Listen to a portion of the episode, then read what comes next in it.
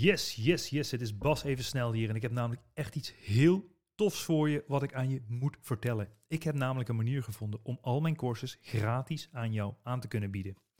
Ik heb meer dan 54 miljoen euro omzet gedaan in de e-commerce. Dus van wie leer je nou liever? Een guru die een auto huurt in Dubai of iemand die meer dan 10 jaar winstgevend is in de e-commerce?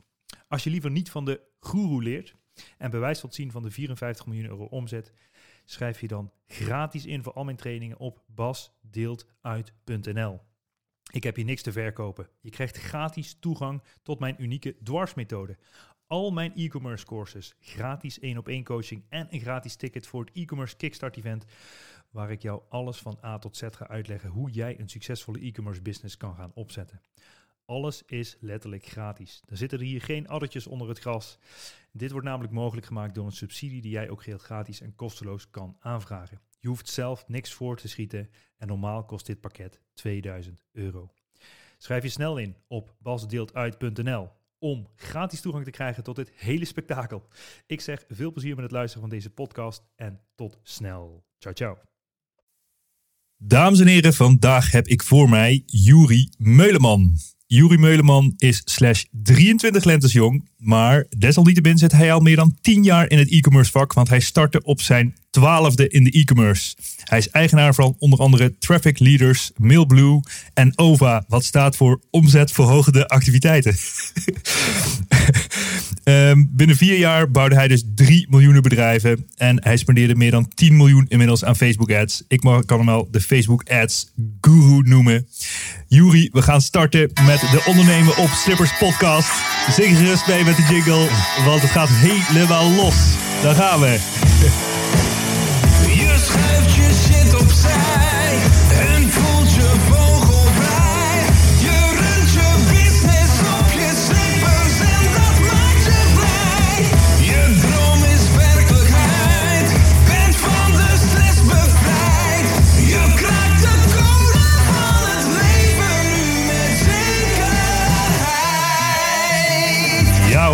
Juri, welkom in de Ondernemer op Slippers podcast. Ik eens aan, dankjewel voor de, voor de mooie introductie al. Ja, zeker. Dat uh, doet hij gewoon even. Uh, Juri, wij kennen elkaar al wat langer. Uh, ja, misschien kun je kort nog even iets over jezelf vertellen. Voordat we de helemaal losbarsten. En dan gaan we gewoon helemaal los. Yes. Nee, nou ja, ik ben, ik ben Juri Meuleman. Ik woon op dit moment in Breda. Hebben geen idee of we daar nog lang blijven. Maar dat, dat zullen we tegen die tijd wel, wel gaan zien. en ik ben inderdaad op mijn, op mijn twaalfde gestart met het handelen van, ja, met productjes. Wat begonnen is op, de, op Koninginnedag toen nog op de kleedjes. Dat ik de Donald Duckjes bij mijn buurjongen kocht, zeg maar. En, en voor 10 cent. En uiteindelijk voor 20 cent weer doorverkocht op mijn eigen kleedje. Ehm, en dat is nou ja, uitgebouwd tot, tot een webwinkel waarbij ik nou, tweedehands producten verkocht. Waarbij ik merkte dat wanneer ik in Nederland een, een Donald Duck Pocket kocht. die waren hier 4,75 dat ik hem zelf kon lezen en voor 4,95 kon doorverkopen. Nou ja, dat was uh, op 12-jarige leeftijd natuurlijk een uh, hartstikke leuk zakcentje. um, maar dat, dat, nou ja, in België werden dus die Donald Duck Pockets tweedehands voor meer gekocht dan dat ik ze hier nieuw kon kopen in, uh, in de supermarkt. En, en nou, daarmee, is het begonnen. En later is dat uitgelopen tot faillissementspartijen opkopen en nou ja, inkopen in China. Um, daarna nog een kleine, kleine tussenperiode gehad. Uh, waarbij ik in loonings ben gegaan uh, bij Ilko de Boer. En daarna uh, mijn business gestart. En dat is inderdaad in, in 3,5 jaar tijd nu, nu uitgegroeid tot drie bedrijven. waarbij ik het meer zie als producten van één bedrijf. Dus zoals een KPN, zeg maar een, een telefonie, een televisie en wat hebben ze nog meer? Internet hebben. Ja. heb ik dan inderdaad de online trainingen, de software en de uitvoering. Cool man. Heel cool. Dankjewel. Hey, Donald Duck, uh, heb je die zelf ook? Of uh, ben je geabonneerd nog steeds? Of, uh... Nee, niet meer inmiddels. Nee, nee. nee ik wel. Kijk, ja. bij mij zijn ze allemaal verkocht. Dat is, ja, precies. Zoveel geld te maken. Mooi man. Hey, ik stel altijd iedereen dezelfde vraag. En dat is een hele erg intense. Wat zou je doen als je nog drie maanden te leven had? Dat is een goede vraag. Ja, je wordt er stil van hè? Ja, even te denken. Ik weet namelijk niet of ik per se echt iets, uh, iets heel anders zou gaan doen.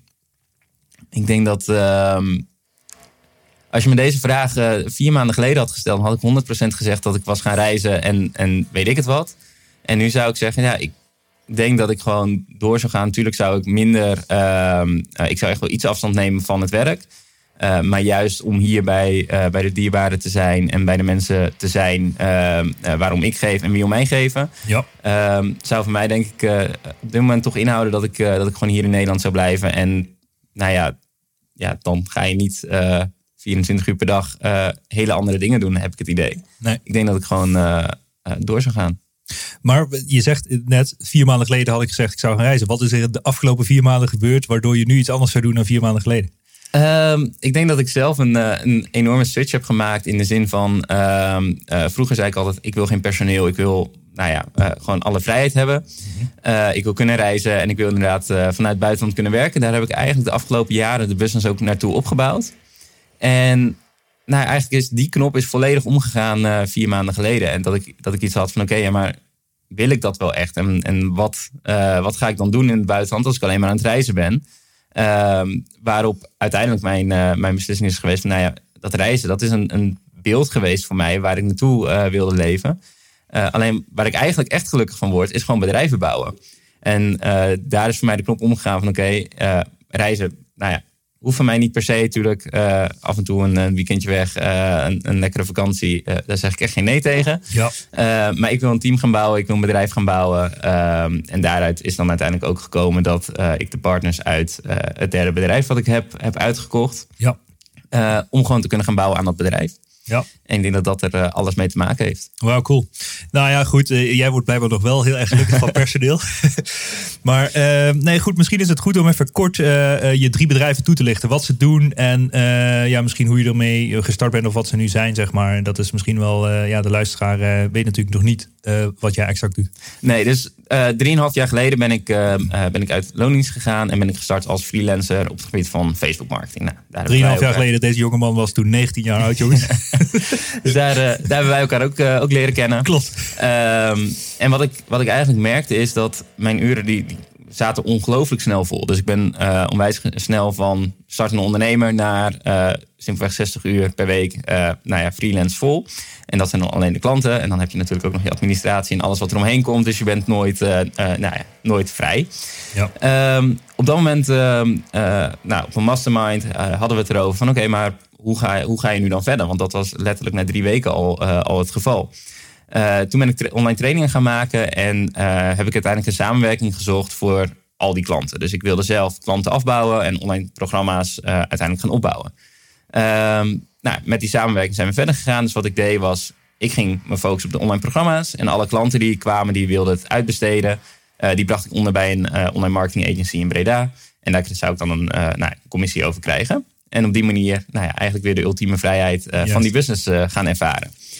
Ehm, nou, die samenwerking die is uiteindelijk eh, geleid tot, tot bedrijf 2, dat is Mailblue.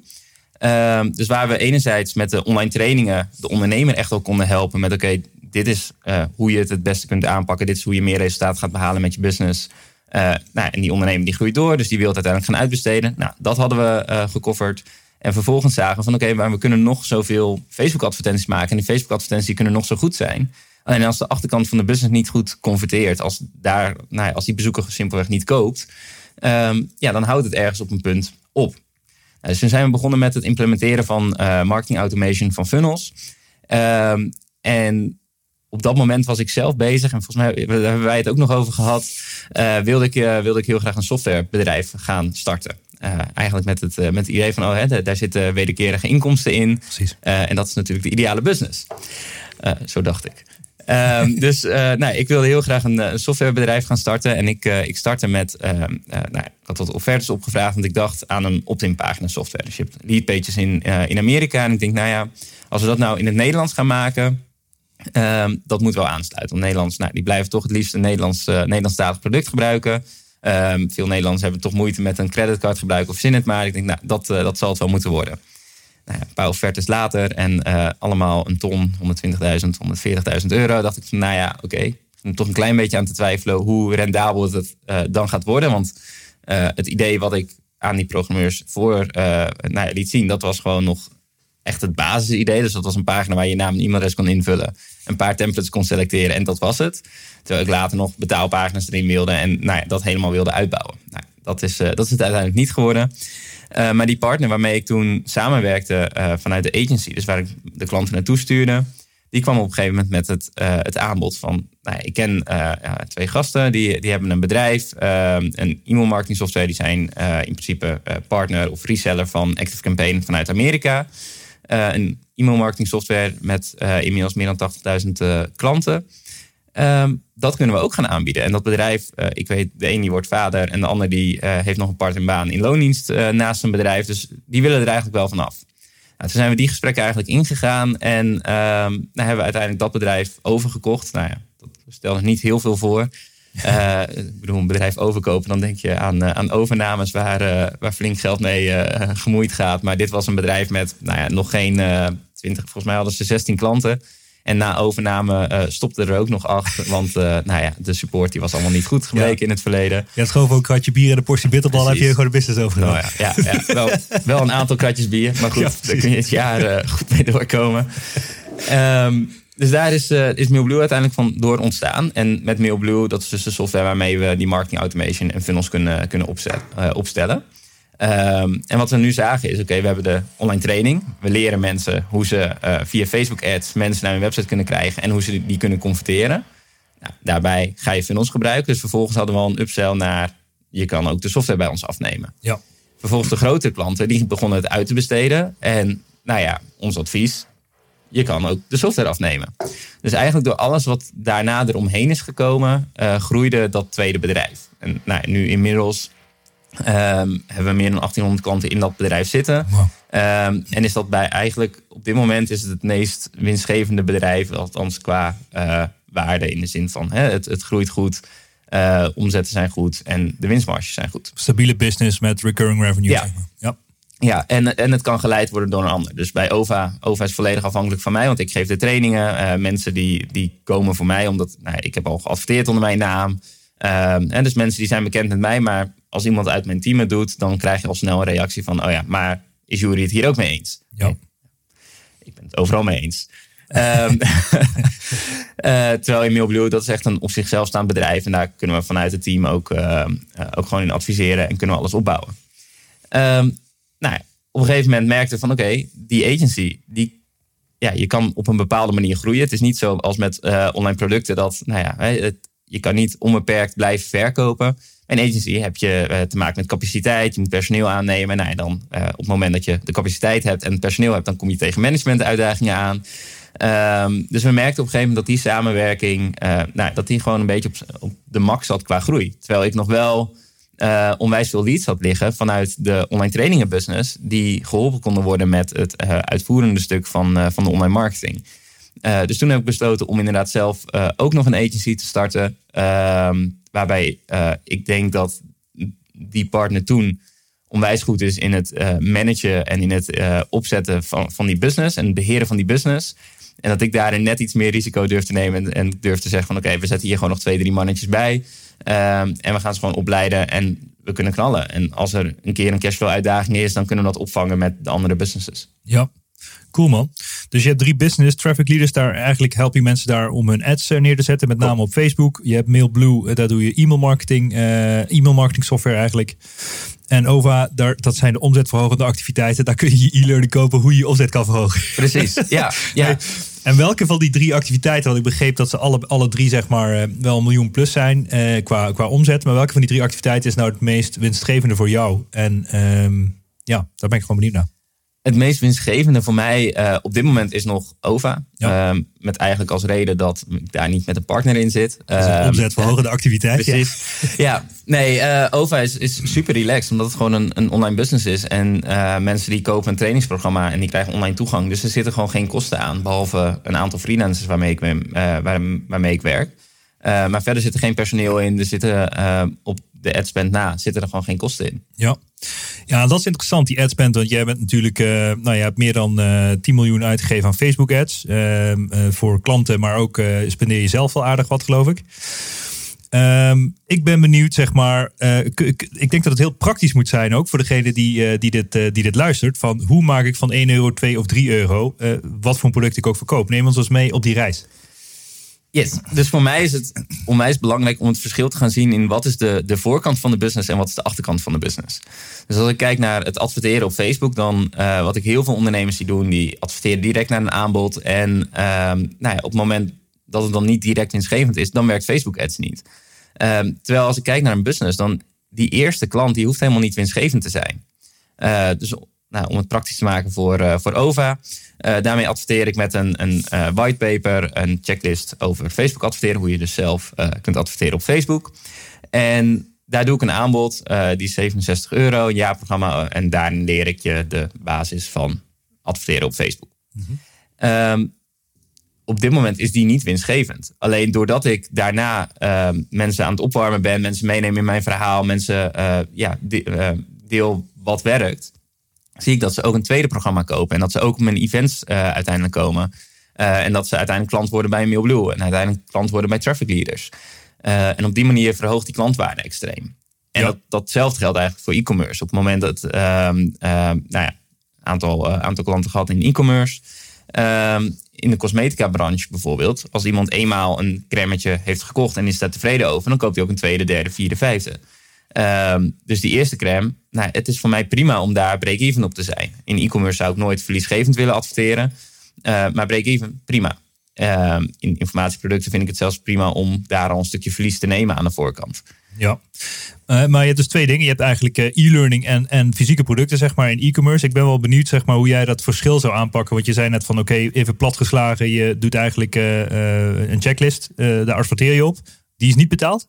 Nee, die is gratis. Die is ja. gratis. Daarna ja. heb je eigenlijk een e-mailadres. En die gaan vervolgens, zeg maar, Mailblue de e-mail funnel in. En die krijgen dan geautomatiseerd gedurende ja. x dagen zoveel mails. Waardoor ze de customer lifetime value na uh, 180 dagen ongeveer, uh, nou ja, dan stop je er één in en dan komt er zes uit. Althans, dat is, uh, dat is optimaal. Ja, ja. Oké, okay, helder. Maar ik ben benieuwd in e-commerce. Hè? Dus mensen die een webshop hebben, ga je dan ook adverteren op een whitepaper of een checklist?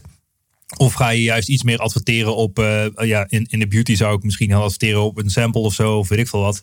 Um, heb je daar nog wat best practices voor? Ja, het is heel erg afhankelijk van, van de business zelf en hoe iemand klant wordt. Um, als je caravans online verkoopt, dat traject is gewoon langer dan wanneer je inderdaad een cremmetje verkoopt. Ja. Um, dus wat voor, ja, voor iedere business is het anders. Op, op dit moment voor die cosmetica klant bijvoorbeeld, daar adverteren we gewoon direct op de producten, omdat we zien dat dat al werkt. Uh, ja, dan is het niet nodig om het moeilijker te maken dan dat het is. Uh, terwijl uh, met voedingssupplementen bijvoorbeeld, daarin zaten we juist veel meer uh, in de informatieve kant. Dat we juist informatie boden aan de voorkant. Ehm, wat allemaal gezondheidsvoordelen zijn en wat je moet doen om af te vallen en nou ja, fitter te worden, fijner uh, lekkerder in je vel te zitten. En vanuit, vanuit daar bouwden we eigenlijk ook weer de funnel naar we gaan daadwerkelijk een aankoop doen. Ehm, andere voorbeelden zijn dat we in plaats van. Dus voor mij is het belangrijk om eigenlijk dat e-mailadres zo snel mogelijk in die funnel te krijgen.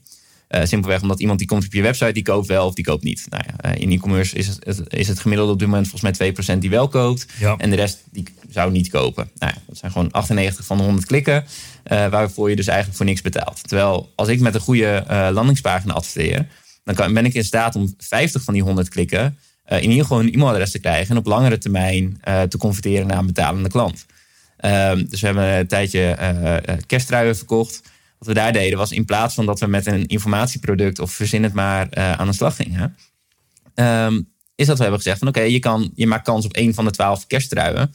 Uh, en vul je e-mailadres in om daar kans op te maken. En vervolgens begon er een ratje te draaien en was het, uh, oh, jij hebt niet gewonnen. nou ja, gefeliciteerd, je hebt 40% korting. Uh, nou ja, goed. Uh, je kent de marges op kersttruien. Die 40% korting, die maakt nog steeds niet zo heel veel uit. Ja. Uh, en op die manier maakten we het en een stukje leuker om uiteindelijk bij ons te kopen. En mensen hadden allemaal het idee dat ze iets gewonnen hadden. Want of je won 40% korting, of je won de tweede gratis, of uh, nou ja, verzin het maar. Uh, maar we hadden ook het e-mailadres. Dus vervolgens, deze actie die deden we dan al in uh, oktober november.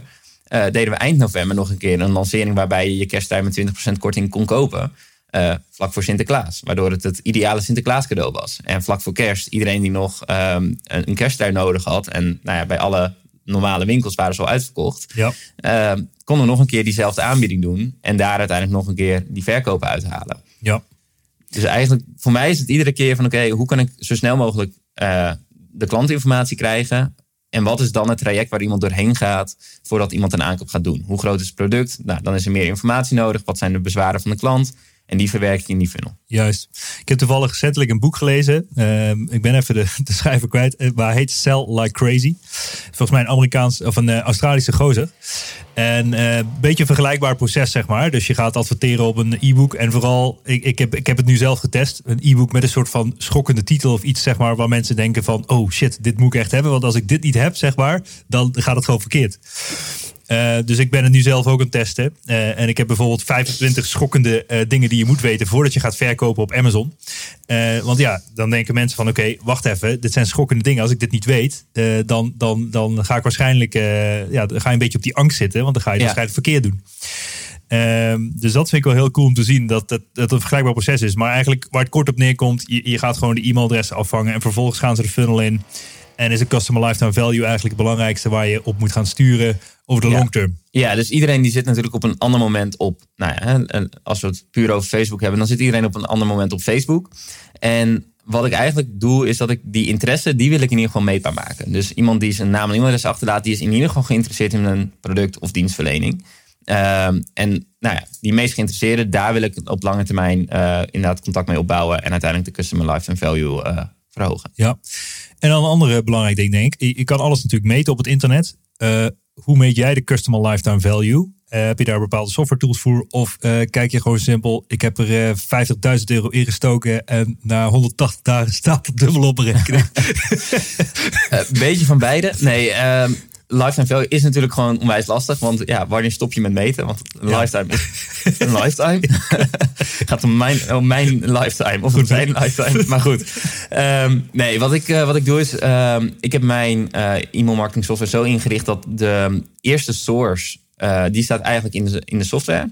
En vervolgens kan ik alle orders bij een klant meten. Dus nou, dat komt daar gewoon, gewoon uit. Dus dan kan ik het rekensommetje doen van... oké, okay, iedereen die het eerste contactmoment had via Facebook, of wie die het eerste contactmoment had via Google Ads of via deze campagne. Um, nou ja, en die hebben vervolgens deze producten gekocht. En nou, dan is het producten keer uh, orderwaarde. En dan weet ik in ieder geval wat het heeft opgeleverd. Ja. En dan deel ik dat weer door het aantal contacten waarmee het is, uh, is berekend. En dan heb ik in principe de lifetime value so far. Um, waar ik specifieker op zit is uh, wat is de value van een klant binnen twee weken en binnen een maand.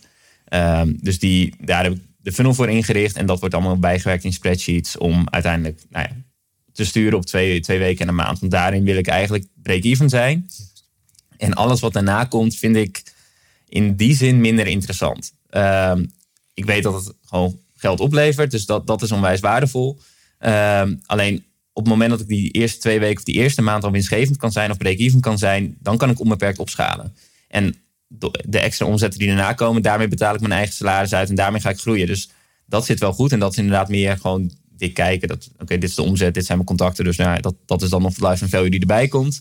Uh, maar de basis voor mij is twee weken en een maand. Juist.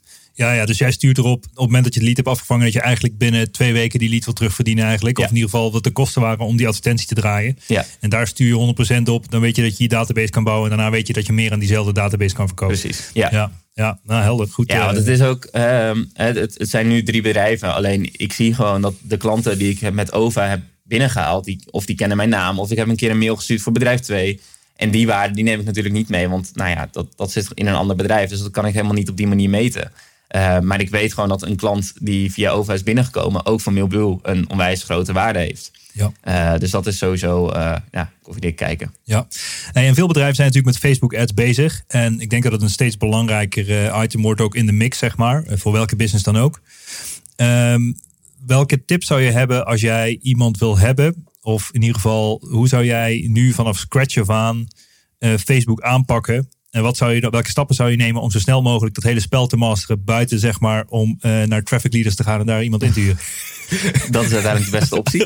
Nee, um, wat ik in ieder geval zou doen is kijken van oké, wat, wat ik merk bij heel veel ondernemers is, die, die hebben iets gezien en die zeggen, dit wil ik ook. Dus die komen met een, een, uh, inderdaad met een complete funnel aan, uh, met een, een front-end product en dan een duurder product en nog een duurder product en nog een duurder product. en die gooien hun hele business om, terwijl ze gewoon al omzet hebben.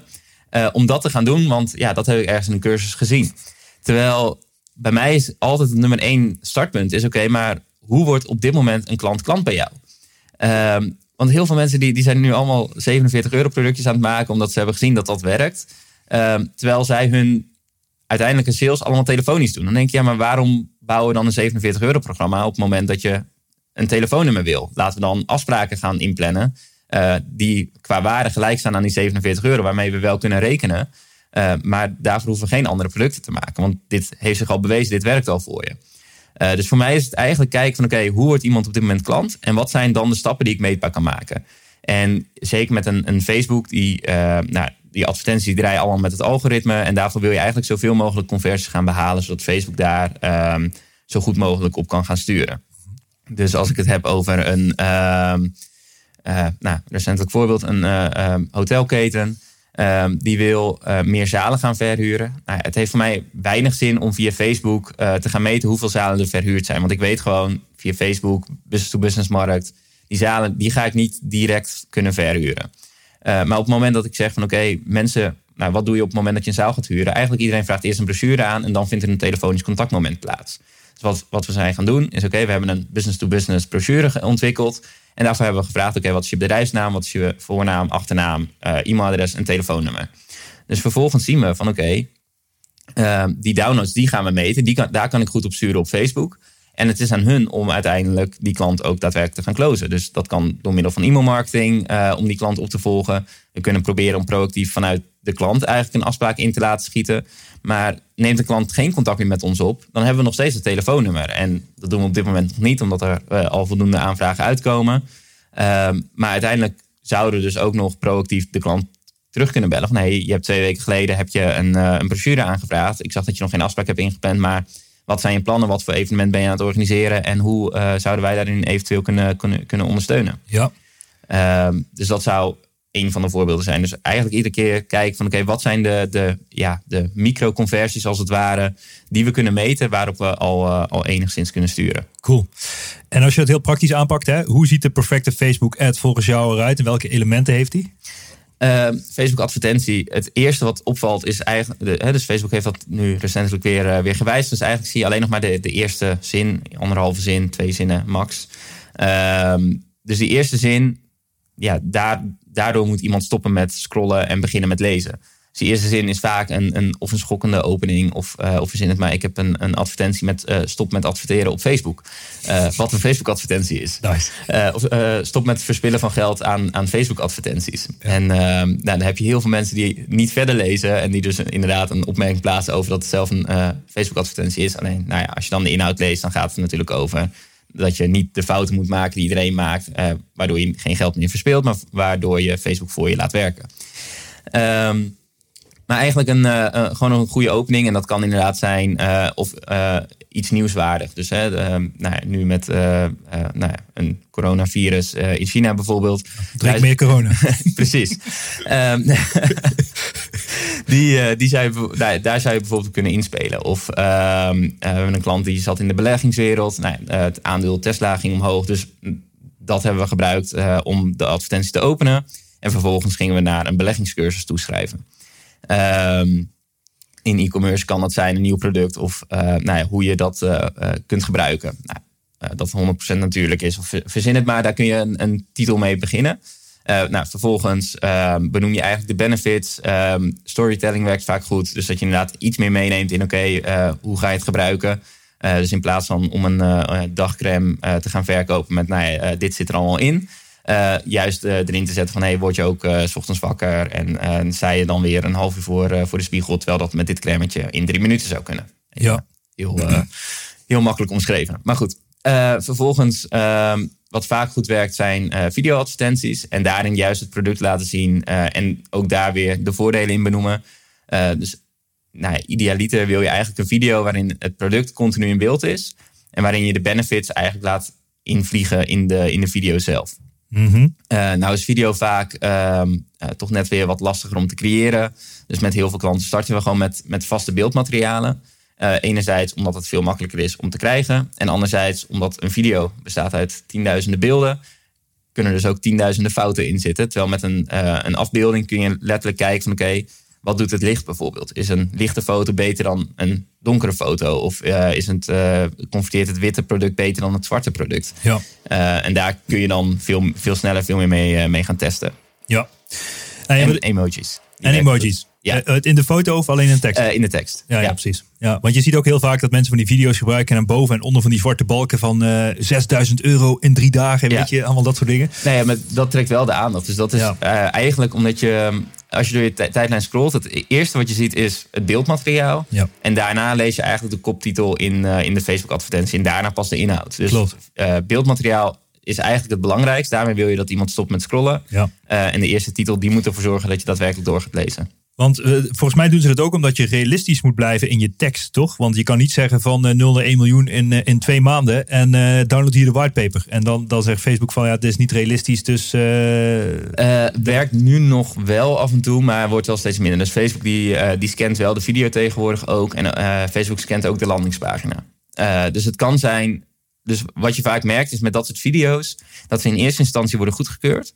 Alleen na twee weken dat ze dan alsnog worden afgekeurd op basis van de landingspagina of op basis van de video. Dus uh, de tekst die kan Facebook gelijk scrollen en, uh, uh, of doorlezen, zeg maar. En ah. de video en de landingspagina, ja, daar zijn gewoon robots die dat checken. Ja. Alleen dat gebeurt niet op het moment dat je de advertentie publiceert. Dus als je advertentie wordt goedgekeurd, dan kan het heel goed zijn dat die twee weken later alsnog wordt afgekeurd door, Ja. die, eh, door die dingen. Maar Ja. als ik zeg van 0 naar 1 miljoen binnen drie maanden, wordt mijn advertentie dan direct afgekeurd? Of het kan zijn dat hij dus een paar weken loopt en daarna wordt afgekeurd? Ja, het kan dus zijn dat hij een paar weken loopt en dan wordt afgekeurd. Maar uh, Dus- stel het is realistisch, het, ik, het bedoel het is daadwerkelijk aan te tonen, Ja. dan gaat hij nog, alsnog af worden gekeurd, toch? Ehm, meestal wel. En eh, dan krijg je eh, allemaal automatische reacties en dan kom je bijna niet doorheen. Ehm, ja, je, je moet hem dan inderdaad eh, nog een stuk specifieker maken. Dus dan kun je wel. Eh, je kan bijvoorbeeld wel een eigen voorbeeld noemen. Alleen op het moment dat je zegt van 0 naar 1 miljoen in drie maanden, of drie weken, of drie dagen, of weet ik het wat. ehm, dan suggereer je nog steeds dat het om een ander kan gaan. Dus als jij zegt van hè, hoe ik ehm, eh, mijn bedrijf van eh, nou ja, 0 naar 1 miljoen heb gebouwd. ehm, eh, nou ja, met deze uitdaging, dan, dan maak je het realistisch. Oh ja, je gaat een beetje uit de derde persoon praten in je advertentie. Ja, ja. Ja, ja, ja, cool. Goed was. Ja, cool man.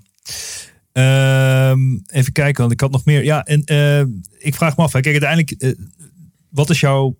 Dat klinkt misschien een beetje raar. Maar wat is jouw doel met ondernemen, zeg maar? Ik bedoel, uiteindelijk, je begint... Tenminste, als ik naar mezelf kijk, je wil gewoon eh, geld verdienen en vrijheid. Alleen toch merk ik dat gaandeweg, zeg maar, dat dat verandert, zeg maar. Wat echt belangrijk voor je is. En hoe kijk jij daar zelf aan? Ik bedoel, volgens mij ben je redelijk vrij, maar je hebt toch drie bedrijven. Dus je bent toch wel met veel dingen bezig, denk ik. Nou, wat is echt belangrijk voor jou als, als ondernemer of als persoon? Eh, ik denk inderdaad dat dat ehm, gaandeweg heel erg verandert. Ehm, toen ik startte was het inderdaad van... Hey, ik, wil- ik wil die financiële vrijheid ervaren. Ik wil kunnen reizen. Ik wil kunnen doen wat ik wil. Eh, terwijl het nu al veel meer is van... Hey, ik wil gewoon een tof bedrijf bouwen. Ehm, waarbij dan inderdaad de vraag is van... Hè, wanneer is genoeg genoeg? En wanneer eh, nou ja, wil je wel doorrammen? Voor mij is het... nou ja, ja, de reden dat ik het doe is eigenlijk om nu eh, eh, de, de basis te leggen, zodat ik daar later geen zorgen over heb. Ik, eh, als ik straks huisje, boompje, beestje heb, dat ik daarbij daar gewoon volledig kan zijn. Ehm, en niet per se door hoef te gaan, hoewel ik mezelf ook ken en weet dat ik dan ook niet stil ga zitten. En dus ja, Ja, dat. Dus het is begonnen met echt wel ehm, nou ja, geld georiënteerd eigenlijk. Van hey, ik wil gewoon die vrijheid hebben. Ik wil niet eh, tegen financiële uitdagingen aanlopen. En dit is de, de manier hoe dat kan. Ehm, alleen ik merk nu eigenlijk, nou ja, heel mooi voorbeeld denk ik, is ehm, eh, de afgelopen vijf jaar, zes jaar. Ik heb altijd gezegd, ik wil, die, eh, ik wil een Audi A3 en nou ja, allemaal prima. Ja, nu is het geld er. En dan denk ik, ja, iedereen rijdt een Audi A3. Dus het hoeft Ja. eigenlijk niet meer. doe maar een Tesla. En, nou ja, bijvoorbeeld, ik rij nog steeds in mijn Suzuki Alto, dus dat... nee, maar dat, ja, je, de, de dingen waar je waarde aan hecht, die, die veranderen ook op het moment dat jij als persoon groeit of jij met je business groeit. Ehm, en ik denk dat dat, eh, dat, dat heel erg het, eh, het geval is. Ehm, en mijn eigen doel is inderdaad gewoon om, eh, om gewoon een relaxed leven te kunnen leiden. En te kunnen zijn voor de mensen om me heen. Ehm, en ik denk dat dat uiteindelijk het belangrijkste is. Ja. En nou, je bent nog steeds maar 23, maar je hebt al volgens mij best wel veel ja, gedaan en meegemaakt, zeg maar. Kun je een dieptepunt eh, benoemen of beschrijven in, in, in je bestaan? Misschien Eh, mag zakelijk of mag ook privé zijn, wat veel impact op je heeft gemaakt. Hoe je nu de dingen anders aanpakt door dat dieptepunt. Ehm, ja, dat eh, zijn er genoeg, denk ik.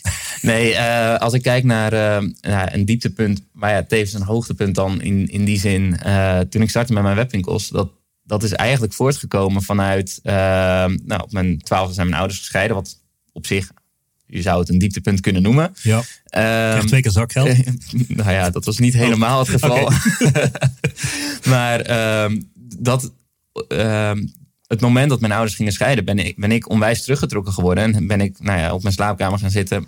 En dat heeft er wel voor gezorgd dat ik alles zelf ben gaan uitzoeken. Eh, en dat ik uiteindelijk die webwinkel online had. En dat ik eh, die regeltjes ben gaan uitzoeken. En ben gaan kijken van oké, waar kan ik nog meer inkopen? Dus enerzijds dieptepunt, anderzijds vind ik eh, een hoogtepunt. Ja. Ehm, Eigenlijk het dieptepunt heeft je uiteindelijk ertoe gezet om naar het hoogtepunt te komen. ja, Zeg ik ja. goed? Ja. Ehm, en ik denk dat dat eigenlijk met. Nou ja, zo kijk ik eigenlijk naar alle dieptepunten toe. Ehm, op een gegeven moment, eh, nou, mijn moeder leerde een nieuwe vriend kennen. Nou, wij daar met z'n allen bij inwonen. Dat klikte niet helemaal. Eh, dus ik stond van de een op de andere dag eh, ineens op straat. Nou ja, enerzijds dieptepunt. Anderzijds, ehm, eh, dus na de scheiding heb ik tij- een periode minder contact gehad met mijn vader. Eh, anderzijds was op het moment dat ik op straat stond, was mijn vader de eerste die ik belde. En sindsdien is het contact weer goed. Ehm, sindsdien ben ik ehm, eh, op mezelf gaan. Althans, ik heb eerst dan een half jaar bij mijn vader weer gewoond. Eh, en daarna ben ik op mezelf gaan wonen, waar, waar ik ineens eh, veel meer ruimte had. Thuis Mhm. zou ik nooit een webinar zijn gaan geven. En nu woon ik op mezelf en had ik alle ruimte om, eh, om webinars te gaan geven. Wat gewoon de basis is geweest van mijn onderneming. Ja. Dus eigenlijk iedere keer met nou ja, een, een dieptepunt, wat, wat op dat moment echt wel een dieptepunt is. ehm, merk ik gewoon dat er daarna dingen gebeuren. En, en nou ja, ik vind altijd achteraf kun je uit ieder dieptepunt wel een, een les halen. Eh, maar ik heb echt wel het idee dat dat eh, op, de, op die manier ook wel werkt. Ja, ja, Dat je ook wel nodig hebt. En dan denk ik van ja, als je dan hoort dat iedere ondernemer een paar keer op zijn bek moet gaan. Dan denk ik van nou ja, laat dit dan eh, mijn keer op, de, op mijn bek gaan zijn. Dan ben ik er behoorlijk tevreden mee. ja. Ja, dat is mooi dat je dat zegt. Ik denk ook dat dat daadwerkelijk wel zo is. Dat op het moment dat je in het dieptepunt zit, zeg maar, voel je je de meest ongelukkige. En denk je dat alles mislukt is, zeg maar, in je leven. Maar als je daar dus een paar jaar later op terugkijkt, dan denk je misschien wel dat het, het ja, dat, dat klinkt eraan, maar misschien wel het beste is wat je is overkomen. Ja. Als je daarna die meters hebt gemaakt, zeg maar. Dus eh, nee, je, je groeit er gewoon enorm door. En ehm, ik denk dat dat nodig is om naar, Ja. eh, naar het volgende niveau te komen. Maar jij ging dus super jong, ging jij eh, op jezelf wonen, zeg maar, of gewoon op. Ehm, nee, ja, ja niet, niet per se super jong. Eh 17, 18 volgens Ja, mij. Dus dat, ja, niet meer dan normaal op zich. Alleen ja. de omstandigheden waren iets anders. Het was Ja. 's ochtends eh, dat ik met, eh, met een vriend weg, weg zou gaan. Ja, Eh, en dat de vriend van mijn moeder ineens met mijn sleutelbos in zijn hand stond en mijn sleutel eraf draaide. Dus het was niet dat ik Ja. even kon voorbereiden en even iets al kon Ja. sparen en bij de IKEA kon, kon halen. nee. Voordat, voordat het gebeurde. Ja. Nee. Ja, nou, bijzonder man. En nou, dan gaan we naar de champagne momenten, want we willen natuurlijk ook hoogtepunten weten. Kijk, ja. ja, we hebben geen twee uur, Jury, maar je mag wel een paar mooie doen. Nee, ehm, nou ja, eh, ja, wat ik zelf een hele mooie vind is, eh, is met Milblue. Ehm ik denk het eerste jaar zijn we gegroeid naar ehm 200, 300 eh, klanten. En toen hebben we op een gegeven moment in een, eh, nou ja, bij een borrel een keer gezegd, samen met de mede-eigenaar, van nou ja, als we aankomend jaar dan naar, naar 1200 eh, klanten groeien, dan komen wij in jurkje en op hakken naar kantoor. Ik weet niet waarom we dat zeiden, maar het is, eh, nou ja, het is daar zelfs opgeschreven. En het eh, team wilde daar ook al eh, een handtekening onder hebben.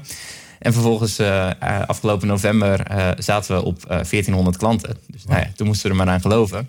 Wij inderdaad met kerst in een kerstjurkje naar kantoor. Maar wel, voor ons was dat al een hele stretch in, in, in het doel. Want ja, als we, als we hadden geweten dat we het zouden halen, hadden we het doel wel iets hoger gelegd. Tuurlijk, zet er altijd Eh, een nulletje bij, toch? Precies.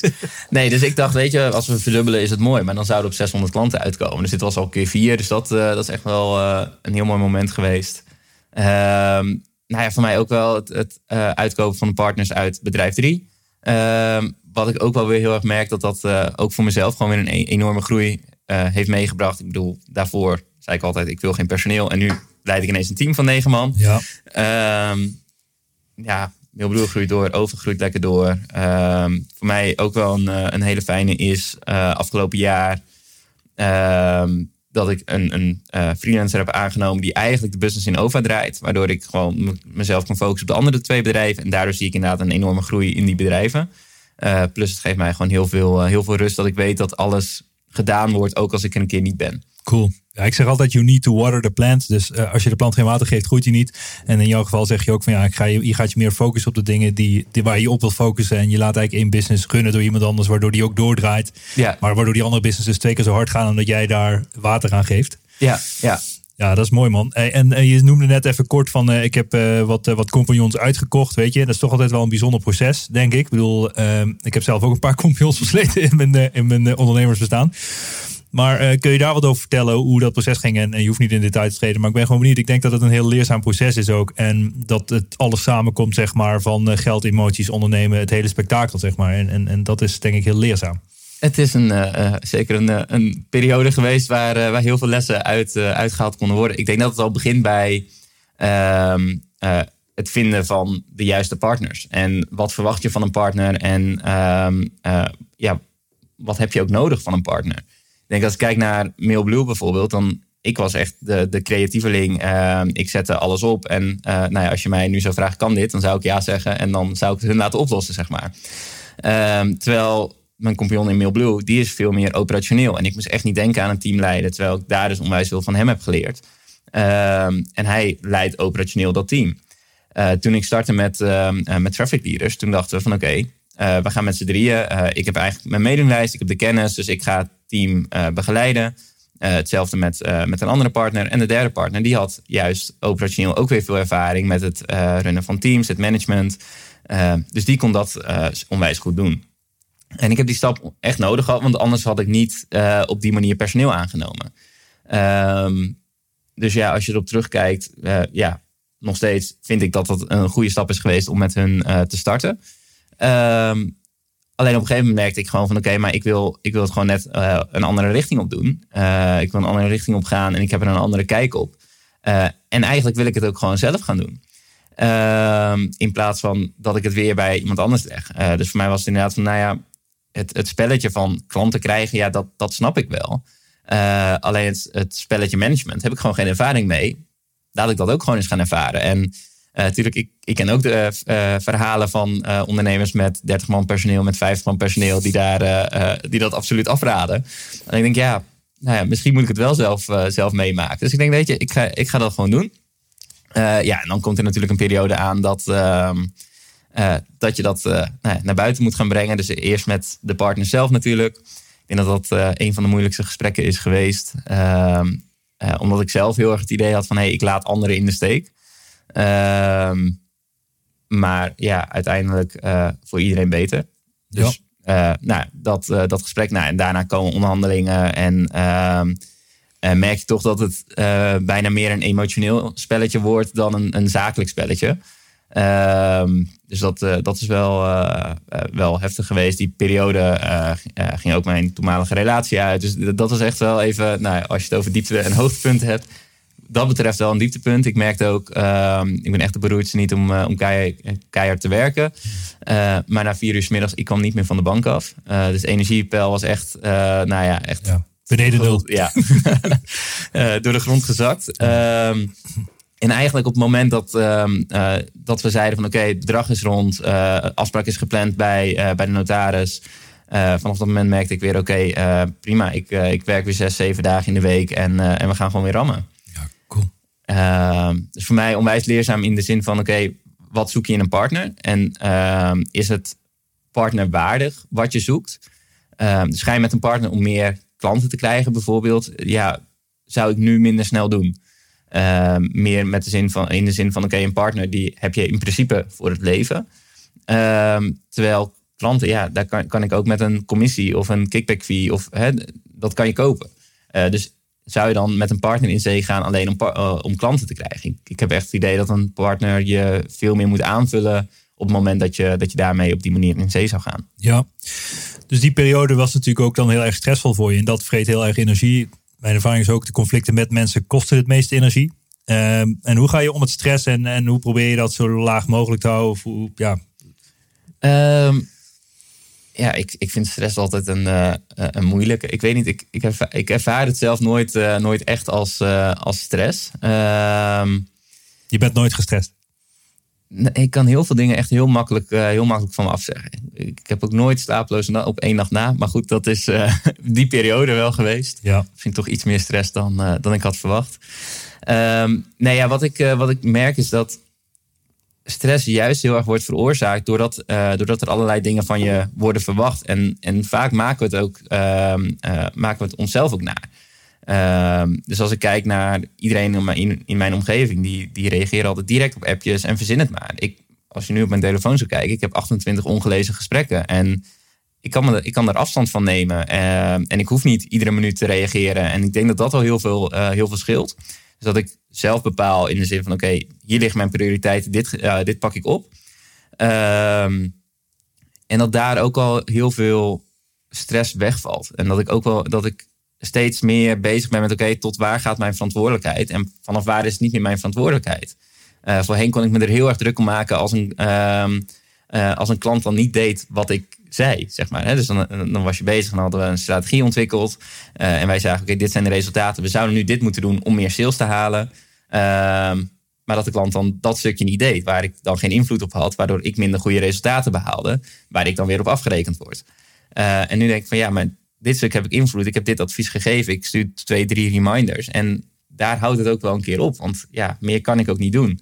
En anders had ik net zo goed zelf die business kunnen starten. Even ja, ja, heel rond gezegd. Ja, maar, ja. maar het is wel mooi wat je net zei over, over uh, je telefoon. En dat je gewoon dat links kan je nou. Ik denk dat dat een hele belangrijke is in deze tijd. Ik heb er zelf ook mee geëxperimenteerd. Dat je gewoon prikkels moet elimineren. Om uiteindelijk minder druk of stress te ervaren van binnen. Dus als je de hele dag uh, ad hoc gaat reageren op alles wat er gebeurt. Ja, dan één, je bent niet productief. En twee, uh, ja, je wordt er ook misschien wel gewoon gestrest van. Mm. Terwijl het nergens over gaat, want je krijgt de hele tijd allemaal prikkels binnen die eigenlijk nergens over gaan. Nee. Dus uh, als je een experiment zou doen en een week lang je telefoon niet zou gebruiken, dan ben je na die week waarschijnlijk veel relaxer. Maar goed, in jouw geval kun je dat dus heel goed mee omgaan.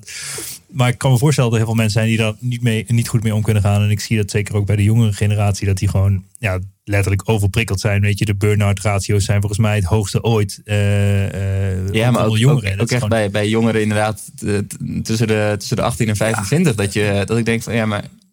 Hoe ja. Dat? ja, ja, het is echt bizar. Joh. Ja. Het is echt bizar.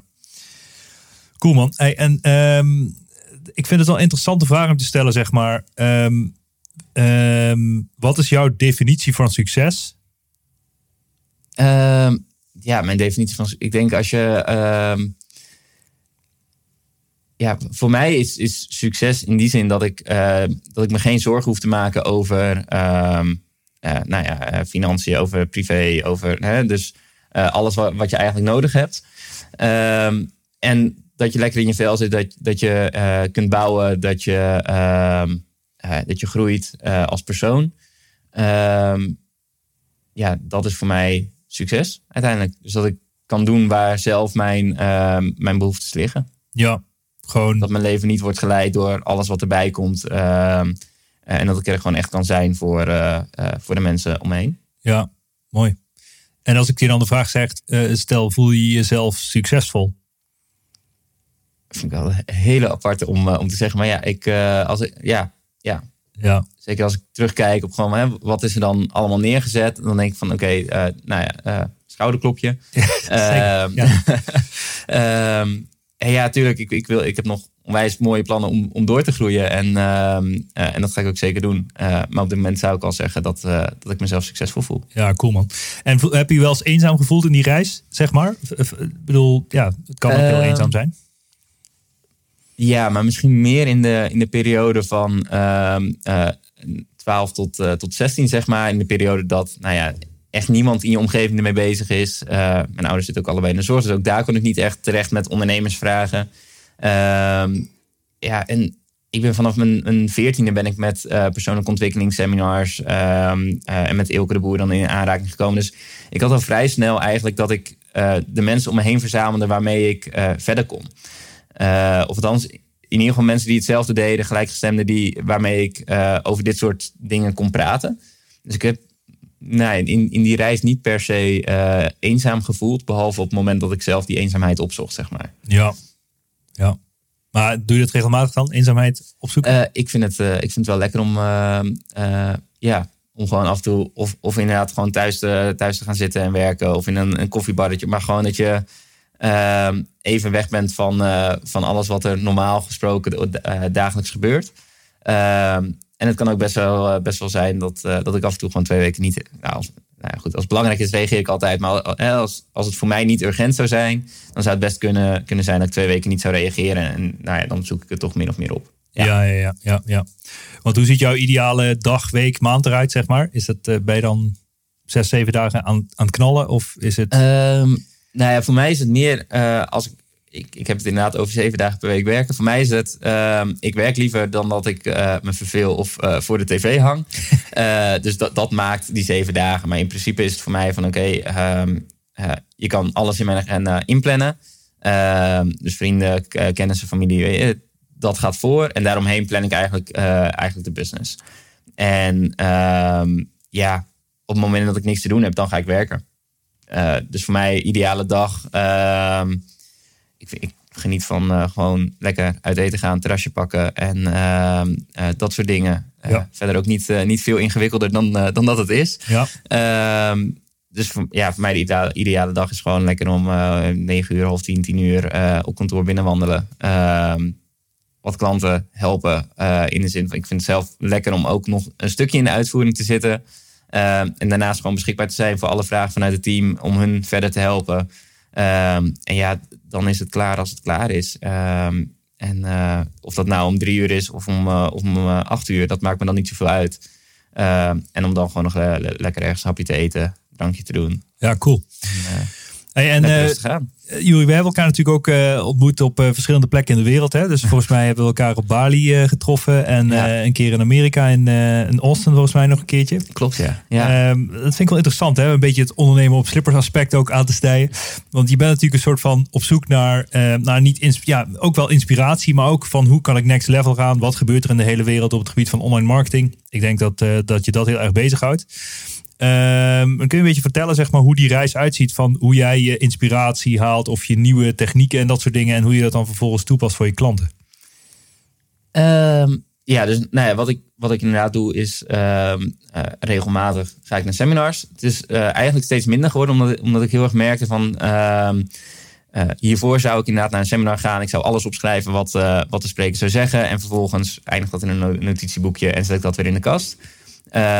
ik denk dat ik nu nou ja, maximaal twee, uh, twee seminars per jaar bezoek. Maar wel uh, kom ik dan terug met gewoon concrete actiepunten. Uh, ik weet wat er speelt. Uh, ik weet wat we kunnen gaan implementeren. Dat ga ik testen. Ehm, en wat ik vaak merk bij nou ja, zowel ondernemers als bij ja, klanten zijn natuurlijk ook ondernemers. althans, de meeste klanten bij mij. Maar wat ik vaak merk is dat, dat iemand te veel informatie wil opdoen. Terwijl je heel veel dingen al wel weet. Alleen het belangrijkste is, is dat je het gaat toepassen. Uh, en daar zie ik het bij heel veel mensen uh, fout gaan. Dat ze denken van ja, maar ik heb continu meer informatie nodig. Want stel je voor dat ik ergens een fout zou, uh, zou maken. Terwijl op het moment dat je het gewoon gaat doen, dan ga je die resultaten wel zien. En dan, dan komt dat wel. Ja. Ehm, ja, dus voor mij is het inderdaad, ik ga naar een seminar. ik, ik werk wat strategieën uit. Ehm, ik heb dan de klanten zeg maar, waarbij, waarbij ik zelf nog enigszins contact heb. Of waarbij ik vanuit het team een vraag heb gekregen die zitten natuurlijk in mijn hoofd. Dus ik kan of kijken van oké, is dit voor overgeschikt, is dit voor Mailblue geschikt, is dit voor traffic leaders geschikt, of is dit voor een van de klanten geschikt? En dan nou, zet ik het naampje ervoor. Denk ik, hey, daarmee gaan we daar testen. Uh, en werkt het, ja, dan kunnen we die case study ook delen met andere klanten. En dan kunnen we dat ook op, uh, op gaan zetten. Cool. Heb je favoriete seminars waar je elk jaar heen gaat? Of welke vind je zelf het meest, meest waardevolst waar je naartoe gaat? Uh, elk jaar niet. Uh, ik vind ehm, Funnel Hacking Live vind ik, vind ik heel gaaf. en Traffic Conversion Summit. Ja. Ehm, dus dat zijn twee Amerikaanse seminars in ieder geval. alleen daar zou ik inderdaad allebei om het jaar heen gaan. Dus het ene jaar doe ik Funnel Hacking Live, ander jaar Traffic Conversion Summit. Um, Eigenlijk omdat ik merk dat als je echt ieder jaar gaat, dat de nieuwigheden wel meevallen. Ja. Um, en, en dat is misschien een overkill in hetzelfde jaar. Ja, dan ja, hoor je twee keer hetzelfde van dit is nieuw, dat is nieuw. En, ze zijn ook uh, twee weken na elkaar volgens mij. En regelmatig hebben ze dus dezelfde sprekers. Dus dat oh, is... ja. Uh, dus die twee die zou ik zeker aanraden. En verder ben ik inderdaad steeds meer van... als iemand een training geeft, wil ik proberen om gewoon een één op één te boeken. betaal je vaak nou ja, tien keer zoveel voor. Um, Alleen het gaat dan wel over jouw business. En Ja. die mensen, ja, je gaat niet naar een seminar op het moment dat je denkt van, nou ja, van jou hoef ik niks te leren. Dus je wil van die persoon leren. En nou ja, dat, eh, in mijn ogen kun je dat het beste doen door eh, gewoon direct met die persoon te zitten. Eh, en in plaats van al die algemene informatie te krijgen, om gewoon echt informatie te krijgen voor jouw business. En dan heb je vaak ook geen drie of vier dagen nodig. Dan heb je ook gewoon genoeg aan een halve dag. En dan weet je exact wat jouw volgende stappen zijn. Juist, ja. Ja, want je zegt zelf, hè, toepassen van die dingen die je daar allemaal leert is heel belangrijk. Hè? Ik geloof ook dat echt gewoon 95% van de mensen die daarheen gaat, die zitten daar, die schrijven echt hele boeken vol en die doen Ja. vervolgens helemaal niks. daar gaat het Ja, dus fout. nee, dat is, eh, maar dat, zie je ook met online trainingsprogramma's. Ook bij OVA, als ik daar kijk, hoeveel mensen überhaupt het trainingsprogramma kopen en gewoon niet inloggen. Ja, Dan denk ik ook van ja, ja, nou ja. bedankt voor je Maar goed, daar, eh, daar stopt ook ergens mijn verantwoordelijkheid, vind ik dan. Ik snap het. Leuk man. Oké, eh, misschien ga ik je een beetje on the spot zetten. Want ehm, eh, is er iets wat jij kan weggeven aan, eh, aan degene die nu de oortjes in heeft en ons aan het luisteren is? Eh, kan weggeven. Want je hebt een mooie OVA. Misschien zitten daar eh, coole lead magnets. Heb je gave e-books, eh, dingen waar je nu je top of mind denkt van... Bob, die kunnen we eventjes aan de man brengen. Eh, Dan ja, gaan we even een mooie Mail Blue, Mail Blue eh, campagne aanhangen. En dan gaan we die even... precies. Nee, ik heb sowieso de Facebook, Facebook Advertising Checklist. Ja. over alles wat je, wat je kan adverteren. Ehm, dus die heb ik. Nou ja, Mailblue heeft natuurlijk gewoon een proefaccount. Dus dat, die mag altijd. Ehm, en ik heb mijn boek. eh Doe mij maar klanten. Eh, wel iets meer geschreven richting de, de startende ondernemer. Maar wel eh, een hele introductie in advertising, in funnels. ehm, eh, en ook in die customer lifetime value. Ehm, en nou ja, goed, dat boek, dat is een fysiek boek. Dus daar, die kun je op eh, over.nl slash boek, kun je die tegen verzendkosten kun je die, kun je die aanvragen. Ja. Eh, checklist, kunnen we nog even een los linkje van maken. Eh, ja, ik maak even een paginaatje aan. Onderne- ondernemen op slippers.nl slash Juri. Kijk, Juri is met een Y, toch? ja, Grieks I, O-U-R-I. Kijk, dat wordt hem. Ondernemerslippers.nl slash Juri. En dan gaan we gewoon het hele spektakel even uitleggen. En dan kunnen mensen eh, ja, eh, mooie dingen krijgen van jou. Dus eh, we hadden het over eh, Facebook hele- checklist, eh, boek tegen verzendkosten. Doe mij maar klanten. En, en eventueel een proefabonnementje op Mailblue. Het hele pretpakket. Het hele pretpakket. Ja, nou ja, goed. We kunnen misschien een standaard mailtje maken. Dat ze daarna kunnen kiezen wat ze, wat ze willen. Eh, is misschien eh, waardevol voor ze, denk ik. Kijk, yes. Mooi man. Ehm, ja, eh, waar kunnen mensen nog meer over jou lezen, eh, vinden, zien? Eh, ja, je kan eh, op over.nl, daar staat eigenlijk eh, een, ja, mijn verhaal. Top. Ova.nl, check it out. Juri, eh, hartstikke bedankt dat je hier in de podcast was. Eh, ik vond het een leuk gesprek. Ik denk ook een heel praktisch gesprek voor veel eh, luisteraars. En ehm, nou, tot snel. Yes, onwijs bedankt voor de uitnodiging en eh, we spreken elkaar. Daar gaan we. Bedankt voor het luisteren naar de Ondernemen op Slippers podcast. Check voor meer informatie ondernemenopslippers.nl. Tot de volgende keer.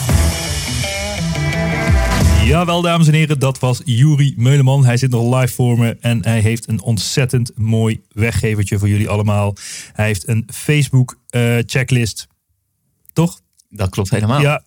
En een boek heeft hij, heet Doe mij maar klanten. En je kan een Mailblue account, eh proof account eh, gratis bemachtigen via ondernemeropschippers.nl slash Juri.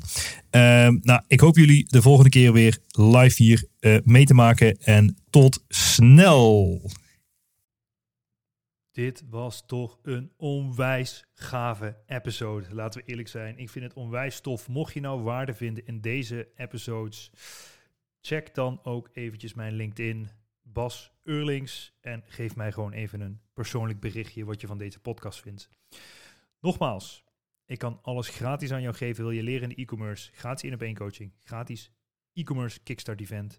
Ga naar basdeeltuit.nl hoe jij subsidie kan aanvragen door gratis, om gratis toegang te krijgen tot alles wat ik gemaakt heb. Check it out en tot snel. Ciao, ciao.